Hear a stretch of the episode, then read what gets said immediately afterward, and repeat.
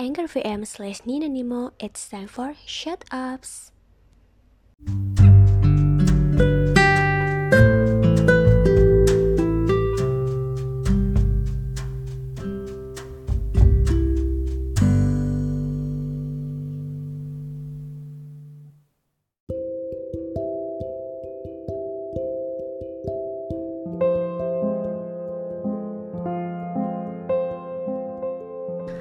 Assalamualaikum warahmatullahi wabarakatuh. Hai, saya Nina Nimo dan sekarang kamu lagi ada di Shut Ups Singkat rahasia untuk pendengar tersayang Bareng aku, Nina Nimo.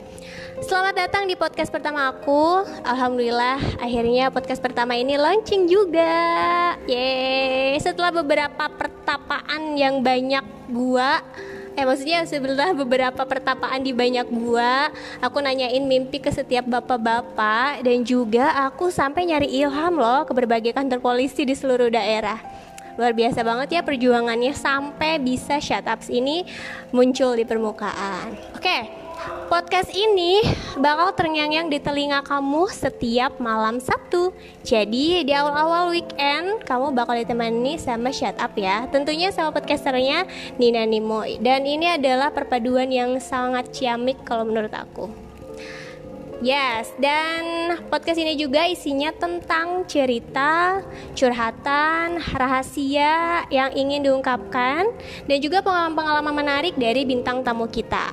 Dan setiap minggunya Shut Up bakal ngasih tema yang berbeda dan bintang tamu yang berbeda juga. Tentunya beda umur, beda pekerjaan, beda masalah, dan beda pengalaman. Jadi, malam Sabtu kalian pasti bakal seru banget. Next di episode pertama Ups ini uh, malam ini kita punya tema nih. Temanya itu yang aduhai banget sih kalau menurut aku. Tema shut up malam ini adalah capek aku tuh mau nikah aja. Cie, siapa nih? Siapa siapa tim-tim yang uh, udah lelah dengan kehidupan dan mau nikah aja, yang udah lelah dengan kesendirian dan pengen kawin aja deh kawin. Ya belum apa-apa udah mau nikah ya. Hmm, siapa juga sih yang udah ngerasa lelah dan mau nikah aja? Ngacung uh, biasanya ini tim-tim skripsi sih ya yang udah nyerah sama skripsian terus uh, pasti bilangnya udah deh nyerah aku pengen nikah aja. Tapi malam ini aku nggak akan bahas kakak-kakak yang lagi skripsian ya. Cuma bisa kasih semangat aja dalam menjalin bahtera perskripsian Oke, okay, gengs, uh, shut upers. Tamu kita malam ini sekaligus tamu perdana di Shut Ups. Uh, kebetulan adalah rekan kerja aku juga yang roman-roman mukanya mengatakan, please nikahin aku. aku sudah lelah. Bener nggak nih, uh, kakak Vira? Hai, uh, perkenalan lu ya. Nama aku Yunikio Safira. Uh, rekan kerjanya Nina Mimom. Alhamdulillah aku jadi perdana banget di acara podcast ini. Pokoknya terbaik.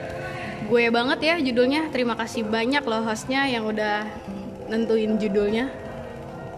Oke, uh, cocok banget gak sih ini temanya sama kamu dan aku ngelihat itu tuh kayak kamu selalu bilang aku pengen nikah, aku pengen nikah terus dan setiap ketemu sama orang ini pasti selalu bilang aku pengen nikah, aku pengen nikah. Sudah secapai itukah Anda kayaknya udah di titik jenuh banget ya. Uh, nggak juga sih cuman emang uh, mungkin karena dorongan dari lingkungan yang pengen nikah. Tapi bener sih sekarang pengen nikah banget. Uh, siapa tahu ada yang jomblo gitu boleh lah. Uh, nanti nanya aja ya ke hostnya. Asik. Jadi sekalian promosi gitu ya. Promosi tapi nggak open bo kan guys? Oh, enggak dong. Nggak akan open open bo maaf. Hanya perlu cari jodoh aja. Siapa tahu ada di sini yang pendengar yang baik Berarti sekarang belum punya pacar? Belum, belum, masih sendiri, masih mencari. Siapa tahu kan ada yang cocok. Sekalian aja taruh yuk, datang ke rumah ya sama keluarga. Eh, gimana sih? ya kenapa jadi ngajakin taruh? Oke deh, buat shutupers yang merasa jomblo dan memang sudah siap untuk menikah, aku punya salah satu ini nih, salah satu dagangan yang siapa tahu kalian mau harganya juga nggak mahal-mahal banget ya. Oke aku tanya nih sekarang kamu udah ngomongin masalah nikah. Nikah emang umurnya berapa sih sekarang? Oke kalau nanyain umur uh, alhamdulillah sudah cukup umur 22 ya lah baru 22 uh, masih masih kayaknya masih enak buat main-main gitu masih umur 22 oke ini aku ngasih beberapa pertanyaan sih ya. Jadi tolong dijawab dengan seksama, gengs. Dari uh, apa yang sudah kamu alamin, terus kamu kayak ngerasa apa sih yang bikin kamu ngerasa itu aku pengen nikah banget gitu? Uh, jadi kan pertama karena sudah cukup umur ya, mungkin banyak yang bilang udah cukup umur, terus sudah di titik jenuh banget karena emang alhamdulillah udah mandiri, udah udah semuanya gitu, udah sendiri apa pun sendiri. Terus orang rumah juga udah ngedukung, ya cuman mungkin aja belum ada jodohnya. Tapi emang udah capek banget sendiri. Duh, pengen dimanja sama suami gimana dong? Berarti memang karena udah kelamaan jomblo mungkin ya. Yo jomblo, maafkan, maafkan aku jomblo. Oke, pertanyaan selanjutnya nih ya. Pernah gak sih kamu ngerencanain nikah sama seorang? Gak cuman gak cuman bilang aku pengen nikah nih, tapi bener-bener kayak rencana udah beberapa persen kamu udah persiapan gitu, rencana nikah sama seorang. Oke, uh, kalau ngomongin itu nanti jadi baper baper banget ya. Nggak sudah sudah tunangan sudah pernah tunangan tiga tahun yang lalu cuman alhamdulillah bukan jodohnya uh, apa bukan jodohnya terus rencana setelah lulus kuliah akan nikah gitu. Cuman karena si calonnya ini dipanggil duluan sama Allah jadi mungkin itu bukan jodohnya. Itu tersedih sih karena kita sudah tahap tunangan dan hanya nunggu beberapa tahun lagi kita nikah gitu. Jadi gagal gitu sih ceritanya Oh, jadi uh, pernah merencanakan bahkan sampai udah tunangan ya. Yang artinya itu udah hampir 80% dong, udah udah mau ke pernikahan. Uh, aku sedih sih, kok aku baru tahu sih. Serius loh, aku baru tahu. Eh, kamu kenapa nggak cerita soal ini?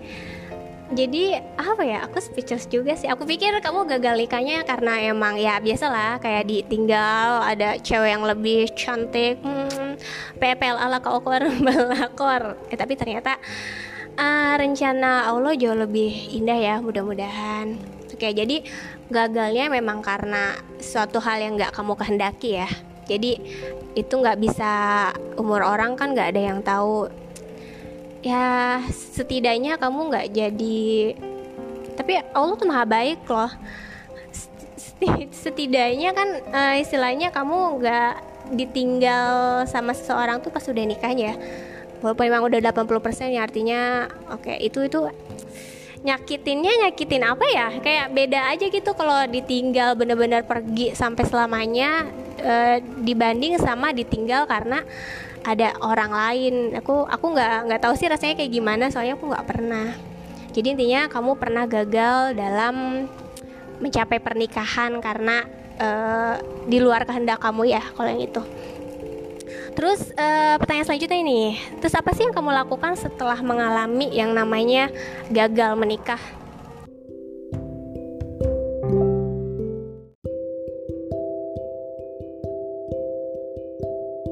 Uh, setelah gagal nikah, hmm, jadi kayak sebenarnya ters tersedih banget ya uh, ketika kita gagal nikah karena ditinggal ditinggal bukan ditinggal nikah atau ditinggal gitu aja tapi ditinggal untuk selamanya tuh rasanya sedih. Sedihnya tuh luar biasa. Sampai ngedon banget sih uh, ngedonnya itu sampai beberapa bulan gitu. Bahkan satu semester kuliah tuh agak hancur gitu. Terus jadi kayak nggak mau nggak mau keluar keluar rumah terus kayak nggak mau ngapa-ngapain gitu.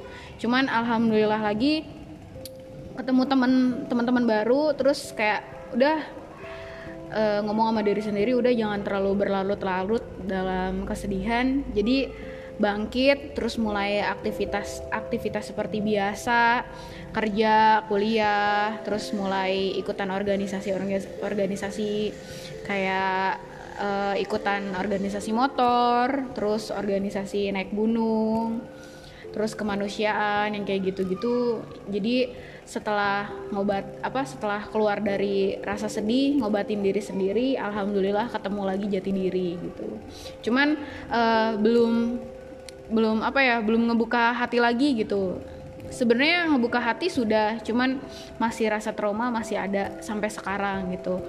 Ya kenapa alasannya jomblo? Sebenarnya bukan bukan nggak mau pacaran atau kayak gimana cuman lebih kalau ada kalau sudah siap ya udahlah kita nikah aja jangan pacaran gitu kan. Kalau kalau lebih bagus kan lebih bagus kayak gitu agama juga udah ngasih tahu kayak gitu. Cuman kalau misalnya mau pendekatan atau kayak gimana ayo. Cuman emang belum belum nemu aja gitu karena uh, karena aku kan orangnya uh, aneh gitu ya bukan aneh mungkin beda dengan yang lain gitu. Cuman lagi nyari yang satu frekuensi aja minimal yang satu frekuensi sama aku gitu. Jadi enak gitu. Ya itu uh, setelah ngalamin kegala, ke, kegagalan nikah luar biasa sekali. Uh, apa emosionalnya terungkap banget gitu. Pokoknya nikmat banget lah. Oke okay, uh, eh, terus kamu pernah ngerasa ini nggak sih uh, kayak ke Tuhan itu kayak kenapa sih harus aku gitu? Kenapa nggak orang lain? Kenapa harus dia yang diambil duluan? Kenapa pas ada saat gini gitu? Kayak uh, pernah nggak kamu kayak menyalahkan Tuhan gitu atas semua yang udah kamu alami? Ini terlalu dini loh dan nggak semua orang bisa kuat gitu ngadapin ini. Uh, pernah banget pernah banget aku pernah zolim sama Allah gitu pernah ngerasa kenapa sih uh, kenapa harus aku? gitu. Kenapa kayak di film-film sinetron kayak gitu-gitu kan. Ditinggal meninggal atau kayak gimana gitu. Pernah terpuruk itu yang terpuruk berat banget sampai semuanya hancur buat aku gitu. Selama satu semester selama enam bulan lah. Enam bulan tuh ngerasa kayak ih kayak Tuhan tuh nggak adil gitu. Kenapa ketika aku lagi bahagia bahagianya sama dia terus diambil gitu. Terus kayak ngerasa terus selama ini doa-doa aku yang aku panjatkan kenapa jadi berubah gitu kan? Padahal tinggal menunggu beberapa tahun lagi mungkin dua, dua, dua tahun lagi untuk menuju lulus dan kita udah siap nikah gitu. Tapi di cerita Allah beda lagi gitu. Tetap ya uh, manusia hanya bisa berencana kita balikin lagi ke Tuhan gitu.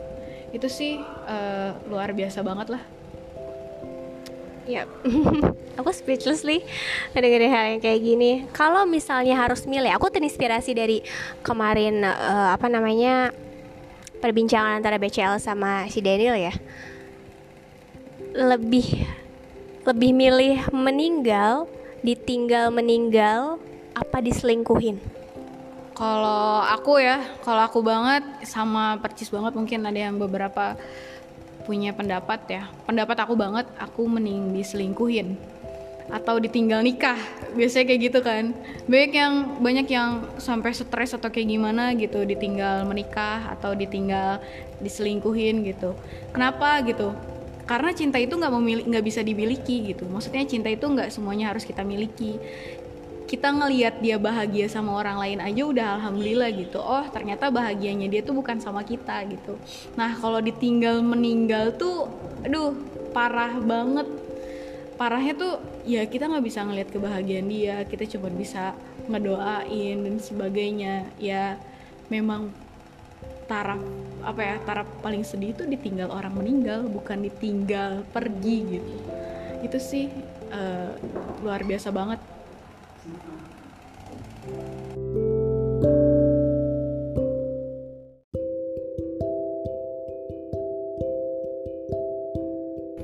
kalau emang ditinggal untuk selamanya itu emang paling menyedihkan banget sih. Walaupun aku emang gak pernah ngerasakan ditinggal sama orang yang tersayang, tapi sometimes kayak bisa bisa memahami sedikit walaupun sedikit emang ya kalau meninggal itu kita nggak bisa lihat sama sekali gitu.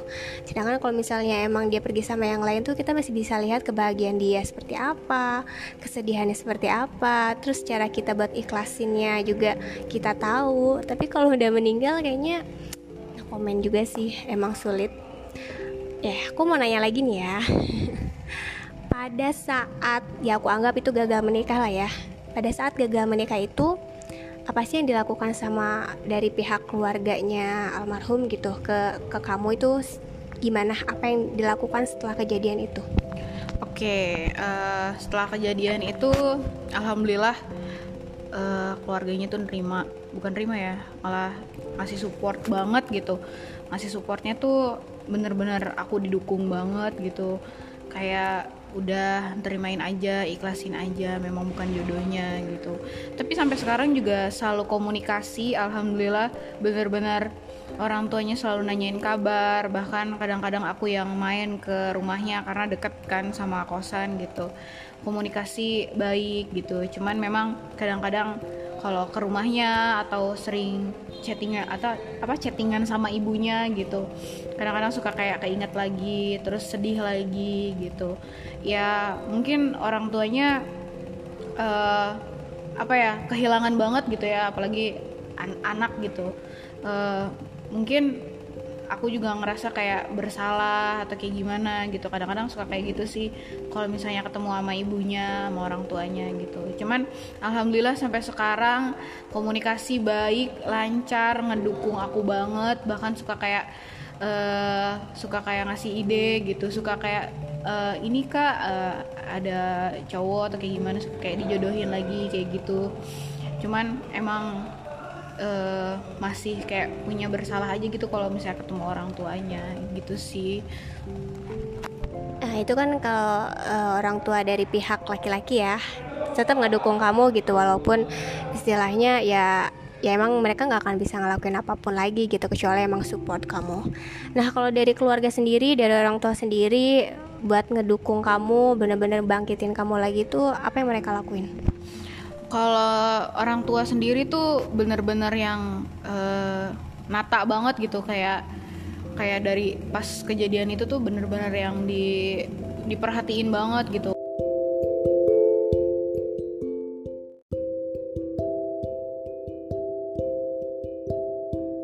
Itu memang dukungan yang dikasih sama dari orang tua pihak laki-lakinya gitu. Dan kalau semisalnya dukungan dari orang tua kamu sendiri gitu, apa sih yang dilakuin buat support kamu supaya kamu bangkit lagi, supaya kamu nggak terpuruk?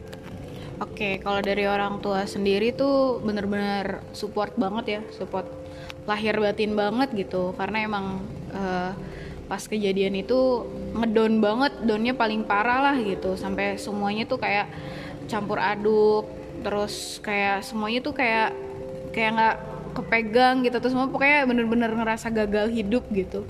Bener-bener terpuruk. Alhamdulillah orang tua selalu ngingetin. Alhamdulillah orang tua tuh selalu kayak uh, ada di samping. Apalagi kalau misalnya tiba-tiba tiba-tiba sedih, tiba-tiba nangis gitu. Orang tua langsung ada, langsung dibuat kuat lagi, langsung diingetin lagi kalau kamu punya Tuhan, kalau kamu punya segalanya gitu. Walaupun kamu kehilangan satu ya itu ceritanya beda lagi kayak gitu. Biasanya kayak gitu sih. Uh, terus orang tua bener-bener yang ya sudah, ini jalannya. Mungkin uh, bukan jodohnya Allah masih ngasih yang terbaik lagi lagi disimpan gitu sih sering banget didengarnya. Uh, dan sampai sekarang juga orang tua selalu support uh, buat jadi yang terbaik lagi gitu. Mungkin akunya juga harus belajar lagi terus harus ngedapetin yang cocok lagi sama aku. Kayak gitu-gitu aja sih alhamdulillah. Keluarga teman-teman bukan bukan orang tua aja ya bahkan orang-orang sekitar kayak temen saudara uh, pokoknya orang-orang yang sekitar yang deket sama aku yang sayang sama aku alhamdulillah support banget. Uh, pokoknya mungkin kalau nggak ada orang tua nggak ada yang lainnya entah mungkin aku ada di pinggir jalan kali. Ya kayak gitulah. Di jalan kamu ngapain? Biasa jadi senyum-senyum sendiri gitu Ya, oke. Okay. Jadi um, itu beruntunglah ya kamu masih berada di antara orang-orang yang selalu ngedukung kamu gitu. Selalu bikin kamu kuat, selalu uh, apa yang namanya support kamu meskipun kamu berada di antara ambang batas pikiran kamu gitu ya.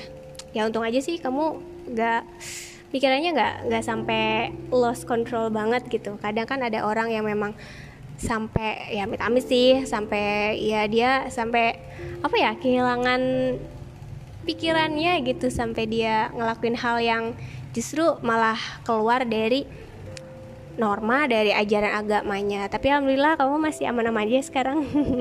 Ya. Oke terus nih hmm, setelah kejadian itu trauma nggak sih ngejalanin hubungan serius? Uh, kalau dibilang trauma sih alhamdulillah nggak uh, mungkin awal-awal ya awal-awal ya. Awal-awal tuh masih kayak takut banget gitu. Takut pertama sih yang paling aku takutin takut di diminta lagi sama yang punya gitu sama sang pencipta gitu. Cuman sekarang tuh kayak itu kan jalannya. Mungkin nanti ada lagi yang berbeda gitu. Sekarang trauma enggak. Malah makin kuat gitu malah malah makin ayo kita semangat lagi gitu. Bahkan aku kayak nyemangatin diri sendiri ayo semangat lagi cari lagi yang uh, apa yang yang bikin serius lagi gitu. Ayo kita serius lagi ayo kita komitmen lagi gitu. Sekarang lagi nyari kayak gitu bener-bener bener-bener uh, buat pembelajaran sih. Kalau kapok tidak trauma tidak itu buat pembelajaran hidup. Itu cerita hidup yang Allah kasih buat aku kayak gitu. Luar biasa banget guys. 22 tahun pemikirannya. Subhanallah.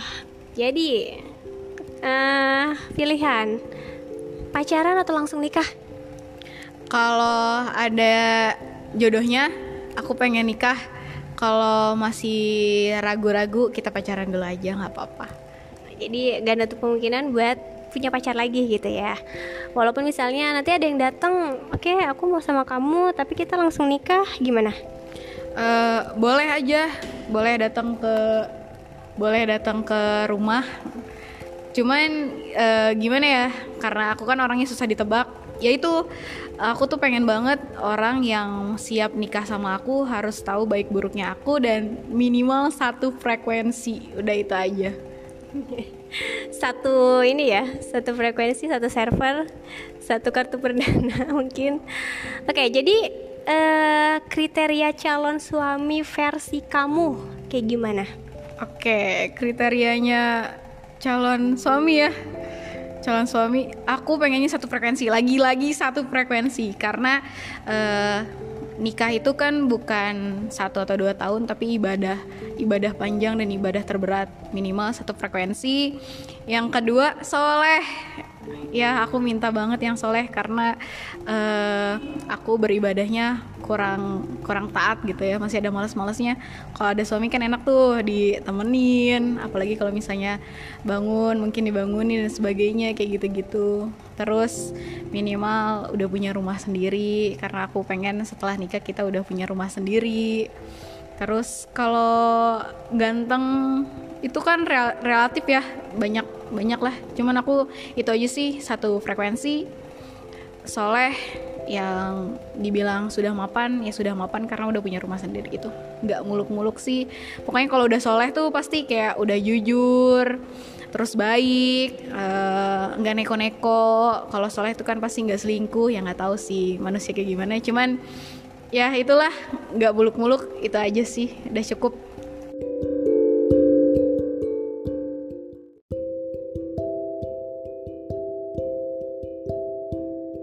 Oke, jadi kriteria versi kamu itu yang baik, yang soleh, uh, yang mapan, dan kamu bilang itu nggak muluk, itu muluk banget guys. Karena sometimes kayak uh, jarang gitu dapetin cowok ya. Eh mudah-mudahan kamu dapet sih ya. Uh, setelah perjuangan kamu selama itu untuk move on dari hal yang seharusnya ya itu harus move on sih jadi mudah-mudahan kamu bisa dapetin apa yang kamu mau oke itu tadi versi kamu ya. Aku nanyain tadi bingung juga sih satu frekuensi. Itu maksudnya apa? Sama hobinya yang sama kah? Atau pemikirannya yang sama kah? Atau gimana?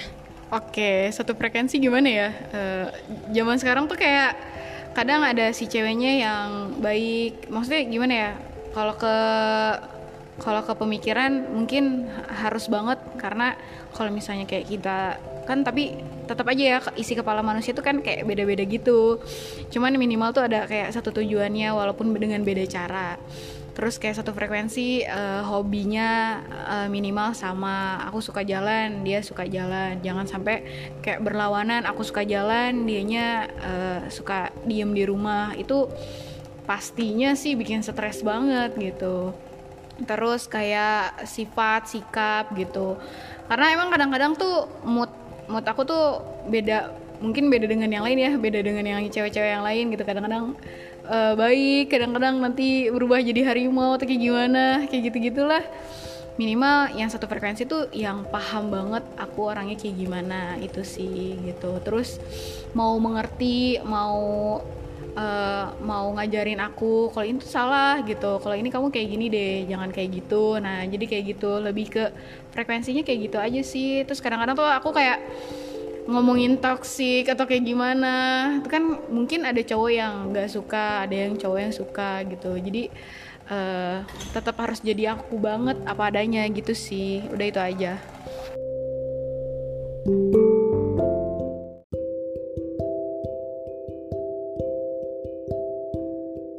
kalau tadi kriteria calon suami versi kamu ya. Dan kadang keluarga juga suka punya kriteria sendiri dong buat kamu gitu. Terus apa sih kriteria calon suami versi keluarga atau versi orang tua kamu? Oke, kalau versi keluarga malah makin berat ya. Paling berat mungkin versi keluarga. Yang pertama tuh, yang pertama banget harus mapan harus mapan ya kalian tau lah alasannya anak cewek satu-satunya pasti pengen banget kedua orang tua tuh ngelihat anaknya bahagia. Jadi mapan. Yang kedua ganteng. Wajib banget. Kalau kata mama tuh minimal ganteng lah katanya. Jadi kalau bawa ke undangan tuh nggak malu-maluin katanya gitu. Itu parah banget sih kalau versi orang tua ya. Terus kalau versi dari ma dari mama sama bapak pasti yang bisa ngejagain aku. Itu sih mungkin yang paling berat itu doang mapan sama ganteng. Itu aja sih dari kedua orang tua mah nggak banyak banyak cuman bikin tegang mungkin. Tegang banget ya nyarinya. Aduh kadang kayak orang tuh mikir gak sih kitanya kayak gini terus dapetin cowoknya harus yang wah banget kejomplang kebanting apa enggak gitu. Uh, terus kamu yakin nggak bakal bisa menuhin syarat dari orang tua itu uh, aku tuh jadi kalau misalnya ngomongin kriteria versi orang tua tuh ya malah insecure. Insecure-nya malah makin berat gitu. Karena aku tahu diri tahu diri banget tahu kekurangan aku kayak gimana gitu. Cuman alhamdulillah setelah kejadian itu aku ngeyakinin orang tua siapa pun dia e, bagaimanapun dia yang penting keluar dari keluarga baik-baik uh, yang penting tadi balik lagi soleh sama satu frekuensi. Alhamdulillah orang tua sudah aku yakinin. Jadi ya yang tadi disebutin kriteria orang tua kayaknya sulit ya kalau kita ngikutin uh, versi orang tua. Jadi kalau menurut aku sih kita uh, cerita dulu gitu. Kita sepakat dulu sama kedua orang tua gitu. Karena kan yang ngejalanin nanti hubungan suami istri tuh kan bukan orang tua gitu. Pasti kita. Jadi sebisa mungkin nyari senyamannya gitu sih menurut aku mah. Kalau ternyata kamu dapetin seorang yang jauh banget dari kriteria orang tua kamu gitu kira-kira keluarga kamu bakal masih mau nerima nggak? Uh, yang kemarin juga ya yang almarhum uh, beda beda banget malah. Bedanya bedanya tuh uh, pertama dari segi mapan karena kan baru kuliah kan sama-sama kuliah gitu. Terus ganteng enggak juga ganteng gitu kan. Uh, tapi alhamdulillah sih kemarin nerima banget dan lagi-lagi orang tua support uh, namanya orang tua punya keinginan lebih. Cuman kan orang tua pasti uh, ngebalikin lagi ke kitanya karena kita yang ngejalanin. Itu aja. Oke okay. uh, eh, itu berandai-andai lah calonnya. Ya mudah-mudahan calonnya bisa sama dengan apa yang kamu dan keluarga mau gitu ya. Oke okay. next. Aku punya pertanyaan gini nih uh, sikap apa sih atau hal apa yang gak akan kamu lakukan lagi ke calon kamu nanti yang dulu pernah kamu lakukan ke mantan kamu? Entah itu mantan yang memang kemarin dipanggil sama Allah atau mungkin mantan-mantan yang dulu yang uh, hal atau sikap atau ya hal yang gak akan kamu lakukan lagi gitu. Oke deh uh, aku gak akan lakuin ini deh ke nanti calon suami aku yang sekarang gitu egois. Pasti aku ngurangin egois. Terus yang kedua marah-marah nggak jelas. Karena dulu ke mantan sering banget marah-marah nggak jelas gitu. Ya namanya mood cewek ya tiba-tiba ada tiba-tiba nggak ada gitu. Terus kalau ke mantan yang dulu tuh bah bah bahkan banyak uh, selesai itu gara-gara aku karena suka marah-marah nggak jelas. Jadi mereka tuh kayak nggak kuat gitu. Nah sekarang kalau aku dapet jodohnya uh, nggak muluk-muluk jodoh deh uh, kalau aku dapat pacar insya Allah aku akan memperbaiki keegoisan aku dan marah-marah. Emang uh, emosional itu tuh kayak gimana ya? Jadinya tuh uh, bikin mungkin si cowoknya tuh bikin gak nyaman karena aku marah-marah aja atau kayak gimana gitu. Cuman belajar lagi-lagi uh, apa sebuah kegagalan itu adalah pengalaman. Jadi ilmu lagi mungkin uh, kayak marah-marahnya aku terus egoisnya aku terus cuek. Karena aku kan orangnya cuek nggak begitu kayak yang lain gitu. Harus chattingan terus harus selalu ada terus atau kayak gimana. Karena aku orangnya cuek banget gitu. Ya mungkin itu aja sih yang nggak akan aku ulangi lagi ke pacar yang akan datang atau calon suami yang akan datang. Itu sih Oke, jadi kurangin marah-marah ya.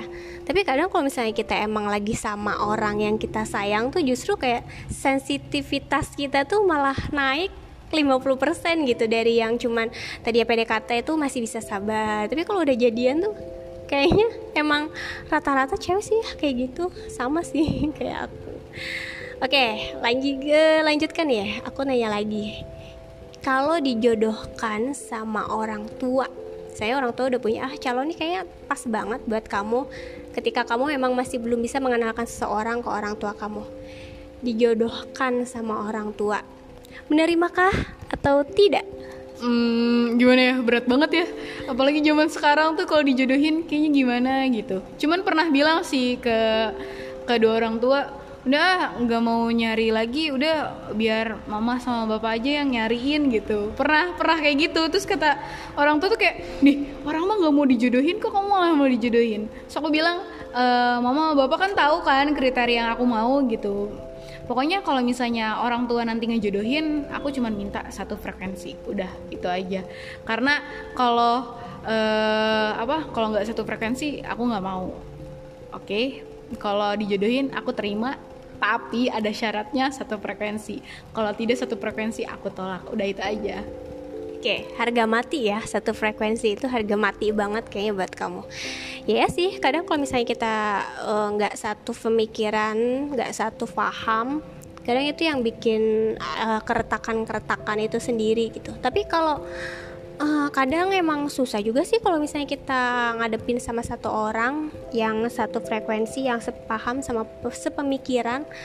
Itu uh, perbandingannya kayak satu berbanding 500 kayaknya ya. Duh ngasal banget gue ngitung. Oke ada lagi nih pertanyaannya. Next ya. Jangan capek ya kamu. Aku tanya terus. Enggak dong. Ini pokoknya uh, seru banget Alhamdulillah jadi aku curhat Terus kita sharing gitu kan. Mungkin karena aku yang udah capek banget pengen nikah terus uh, Nina Mimom yang sudah pengalaman jadi kayak sharing enak banget pokoknya lah. Oke ini aku nanya lagi ke kamu ya. Uh, kamu kan belum nikah nih, tapi apa sih yang kamu bayangin tentang pernikahan selama ini tuh yang ada di otak, otak kamu, pemikiran kamu, pernikahan tuh seperti apa? Uh, gimana ya? Kalau ngomongin ngomongin yang bahagianya nih, kalau ngomongin yang bahagianya tuh kayak ih enak banget gitu kan. Ke mana-mana dianterin sama enggak dianterin sama suami gitu. Terus uh, kita uh, ngelayanin suami itu kan ibadah banget ya. Terus kayak aku tuh en, apa seneng banget gitu ngelihat teman-teman aku yang udah nikah apalagi nikah muda. Itu kan nikah muda tuh kan kayak uh, tantangannya berat banget. Cuman tuh kayak mereka tuh enak gitu. Terus kayak pacaran gitu kan. Pacaran udah nikah tuh masya allah aku pengen banget gitu kan. Ke mana-mana gak usah takut digerebek orang atau atau dimarahin orang tua gitu kan. Karena udah nikah. Nah itu ngomongin yang yang apa yang enak-enaknya aja. Tapi kalau misalnya kebayang kebayang banget ya uh, yang buruknya itu kalau misalnya punya anak kan terus si anaknya sakit terus si suaminya uh, uangnya nggak ada ngomongin ekonomi gitu. Terus yang ditakutin lagi kayak baru nikah terus cerai kayak gitu-gitu. Terus gara-gara kebanyakan nonton uh, apa drama Korea yang pelakor-pelakor itu jadi kayak takut aja sih kalau udah nikah. Kayak gitu sih kebayangnya baik sama buruknya itu. Uh, kalau ngomongin yang tadi tuh uh, ke mana-mana itu nggak akan digerebek. Aku justru kayak uh, ke mana-mana gitu ya kayak inap di satu tempat gitu berdua sama suami terus aku sengaja bawa buku nikah niat banget loh gue bawa buku nikah itu kayak merasa aku pengen digerebek dong. Aku pengen digerebek terus aku pengen buktiin deh gue udah nikah nih aku pengen pamer tuh buku nikah. Sampai kepikiran ke sana loh aku sampai kayak oh, saking bahagianya udah nikah sampai-sampai aku selalu bawa buku nikah ke mana-mana yang segede itu kalau sekarang sih udah ada ini ya udah ada kayak kartu uh, eh, ID kalian udah nikah jadi kayak KTP tuh enak. Kalau mas zaman aku masih pakai buku nikah dan aku selalu bawa itu. Kadang yang fotokopiannya jadi pengen banget sampai ada di gerbek ya kali kita nginepnya di motel modal di hotel bagus. Uh, gini kalau tadi yang kamu bayangkan tentang pernikahan itu yang tadi kamu yang bilang kalau kamu pengen seorang laki-laki yang sudah mapan yang istilahnya ekonominya sudah cukup. Tapi kadang aku selalu pernah uh, dapat pertanyaan atau pernyataan dari seseorang kalau ketika menikah kamu sudah mapan itu uh, ujiannya tuh udah bukan harta lagi loh ujian kamu tuh udah bukan materi. Kamu siap gak untuk itu? Ujian kamu tuh udah bukan materi loh. Artinya dalam artian udah bukan tentang cicilan rumah udah bukan tentang gak bisa beli popok udah bukan tentang gak bisa beli beras udah bukan itu loh. Siap gak kamu? Uh,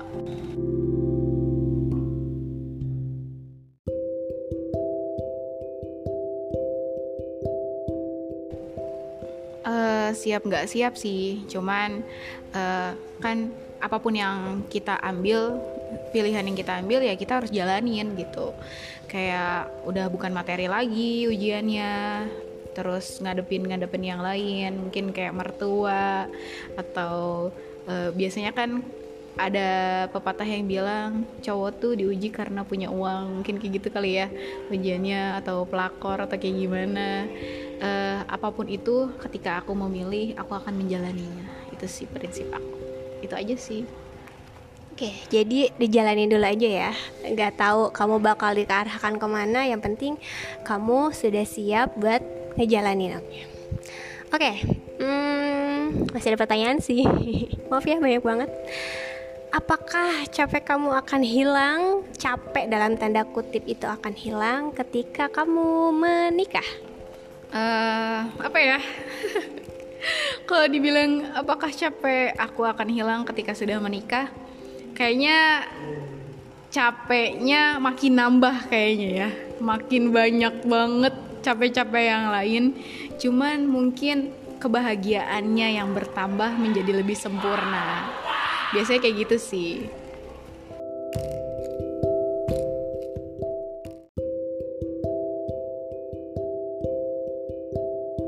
Oke deh, ini masuk ke pertanyaan terakhir, the last question. Muda kere atau tua kaya raya? tua kayak raya udah nggak ada lagi pokoknya mau lu muda susah apa pun gue sih kalau aku ya sorry kalau aku sih lebih seneng tuh tua kaya udah itu aja sih. Cepet kan? Oke jadi langsung tek gitu tua kaya tuanya itu se segimana sih kalau tua versi kamu itu? Kalau tua versi aku tuh anak udah umur 20 tahun kayaknya.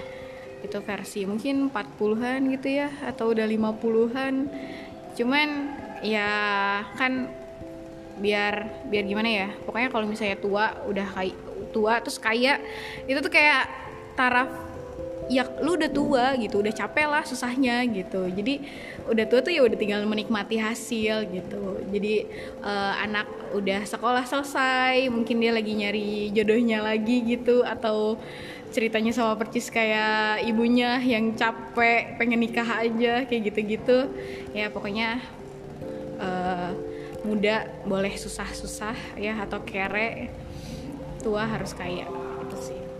Oke jadi selama masih masa muda itu dia yang kerja selama setelah tua yang menikmatinya adalah kamu benarkah Bener dong, ya enggak juga sih. Cuman lebih enak kan kayak bareng-bareng. Ayo kita nitih bareng-bareng gitu sama si si jodoh kita gitu.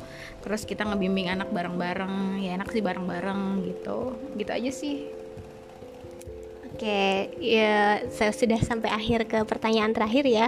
Artinya titik tua kayak raya. Oke, pesan deh. Uh, ini bukan pertanyaan sih.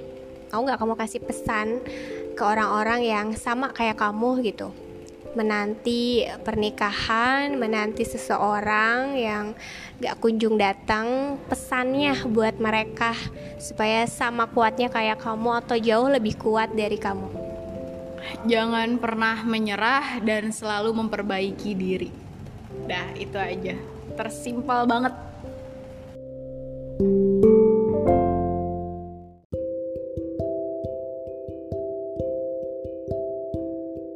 itu tadi perbincangan apik bersama Vira dari sang penanti jodoh.